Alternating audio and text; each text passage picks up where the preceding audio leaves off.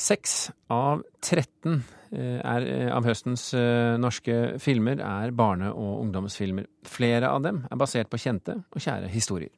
Ja, Han er jo ca. 20 cm høy, denne dokken. Ludvig. Ser ut som, som et, et ordentlig pinnsvin. Han beskriver en kjent og kjær karakter. Pinnsvinet Ludvig blir å se på kinolerretet igjen før jul.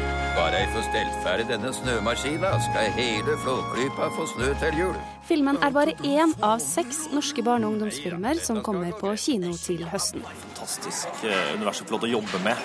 Det sier regissør av filmen 'Solan og Ludvig jul i Flåklypa', Rasmus Sivertsen. Eh, det har blitt sagt liksom at det er speiler den norske folkesjela med Ludvig sin fremmedfrykt og Solan sin optimisme og, og Reodor sine entrepren eh, entreprenørskap. Mormor og de åtte ungene av Anne-Cath. Vestli blir også film.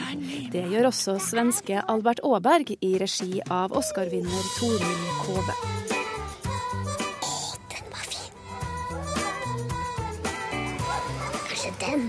Det er så vanskelig å finne ut hva slags hund jeg skal ønske meg. Hei, jeg heter Modulf. Det er norrønt og betyr ulv og vrede. Men ikke alle filmene er basert på gamle klassikere. En eh, komedie eh, om eh, Modulf som eh, blir mobba av de tøffeste gutta på skolen. Det sier regissør av filmen 'De tøffeste gutta', Christian Lo.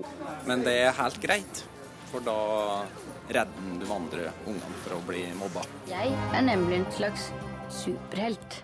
Hovedrollene spilles av Sondre Henriksen og Regine Eide. Det var morsomt og spesielt å spille en annen figur som altså ikke er meg, og så bli mobba og dynka i do og sånne ting.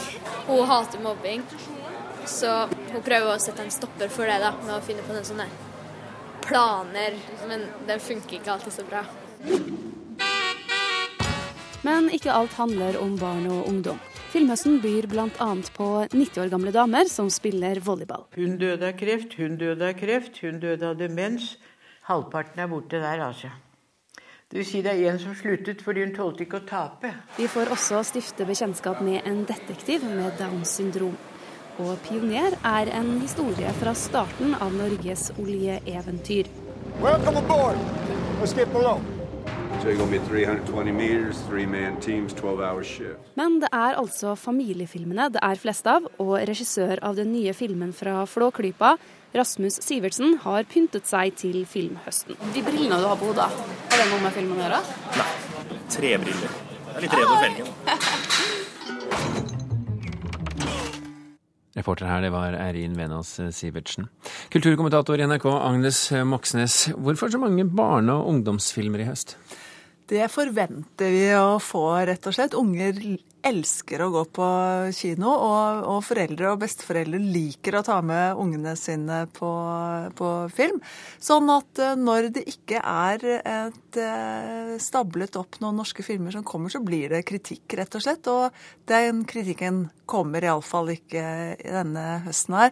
Det er eh, filmer som enda til bygger på noen av de mest kjente bøkene som er laget i, i norsk og svensk barnelitteratur. Men, men, det at såpass mange er basert på eksisterende litteratur, hva er det et tegn på? Fantasiløshet? Altså, det, er jo, det er jo ingen overraskelse ved det, og det er kanskje enda viktigere når du vet jo det at når det gjelder barnebøker, så er det gjerne de tradisjonelle bøkene som går ekstra godt. nett nettopp fordi at det er eh, disse besteforeldrene og onkler og tanter og, og sånt som tar med unger på kino. Så det er nok en fin måte å få eh, solgt mange billetter på. Eh, men det er klart at man etterlyser jo alltid de gode, originale manusene. Og de finnes jo, i, alle iallfall i teorien, da, til en del av de andre filmene som ble presentert i dag. Men er det hva skal vi si, Er det de gode verdiene som er tilbake på norsk film? Ja, altså Jeg syns jo det har jo vært med i dette gamet så utrolig lenge at jeg syns det var ganske interessant da Maria Gamlem, som har, regien på det som er altså en musikalen, noe så utrolig gammeldags og helt unorsk som en norsk barnemusikalfilm, altså 'Mormor og de åtte ungene'. Og det hun eh, sa da hun, hun snakket om hvorfor hun hadde lyst til å gjøre denne filmen i dag, så hentet hun frem nettopp verdigrunnlaget hos Anne-Kat. Vestli likte menneskesynet. var litt lei Hun tenkte at Hvis hun skulle liksom lese for sine barn, så ville hun lese noe som er ordentlig, noe som har gode verdier.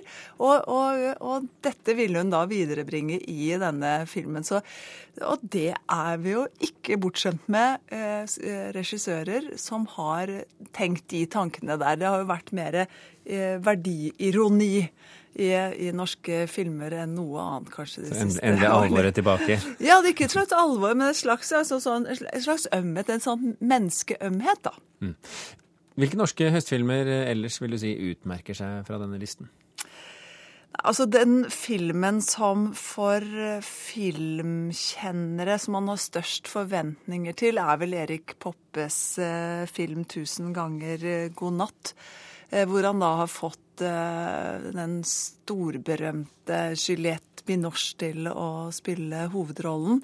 Det er jo et manus eh, som Erik Poppe selv har vært med på å utarbeide, som handler om en, en pressefotograf som reiser ut i, i verden og, og, tar bilder fra en, en, virkelighet som er eh, vond og blodig, eh, men som også er med på å bringe henne bort fra det som er det gode i hennes liv, nemlig hennes egen familie. Så gjennom det hun opplever der, så ødelegger hun på en måte sitt forhold til, til den, det som er den egentlige virkeligheten hennes. Da. Det er en historie som er ganske tett opp til Erik Poppes egen historie. Han er en gammel pressefotograf. Så kommer det jo film om nordsjødykkerne. Så kommer det en eh, film om nordsjødykkerne. Den har jo hatt før. Det var en utrolig eh, dykke, het den vel, eh, for mange år siden, som var så klaustrofobisk at iallfall jeg hadde vondt i magen i mange uker etterpå. Nå kommer 'Pioner' med Aksel Hennie i spissen, og det er altså da Erik Skjoldbjerg som har regien. Siste film han laget, var jo Nokas-filmen, som han fikk mye god kritikk for. Så dette er jo veldig stødige folk rett og slett. Så det blir spennende å se. Og de filmene kommer jo nå på rekke og rad i og med filmfestivalen i Haugesund. Apropos stødige folk, tusen hjertelig takk for at du kunne komme til eh, studio.